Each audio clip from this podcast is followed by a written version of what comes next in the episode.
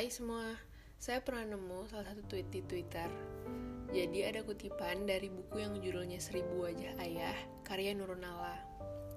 Katanya gini, Tuhan adalah sutradara dengan selera humor yang tinggi, yang menciptakan kebahagiaan yang bisa membuat orang tertawa atau sekedar tersenyum penuh penghayatan. Tetapi di saat yang sama, ia menciptakan kesedihan yang bisa membuat orang menangis sepanjang malam.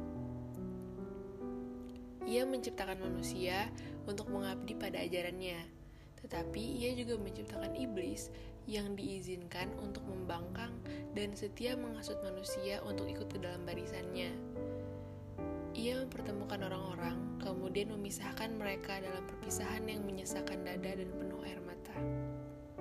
Ternyata sudah merupakan konsep alam bahwa segala sesuatu tidak ada yang kekal.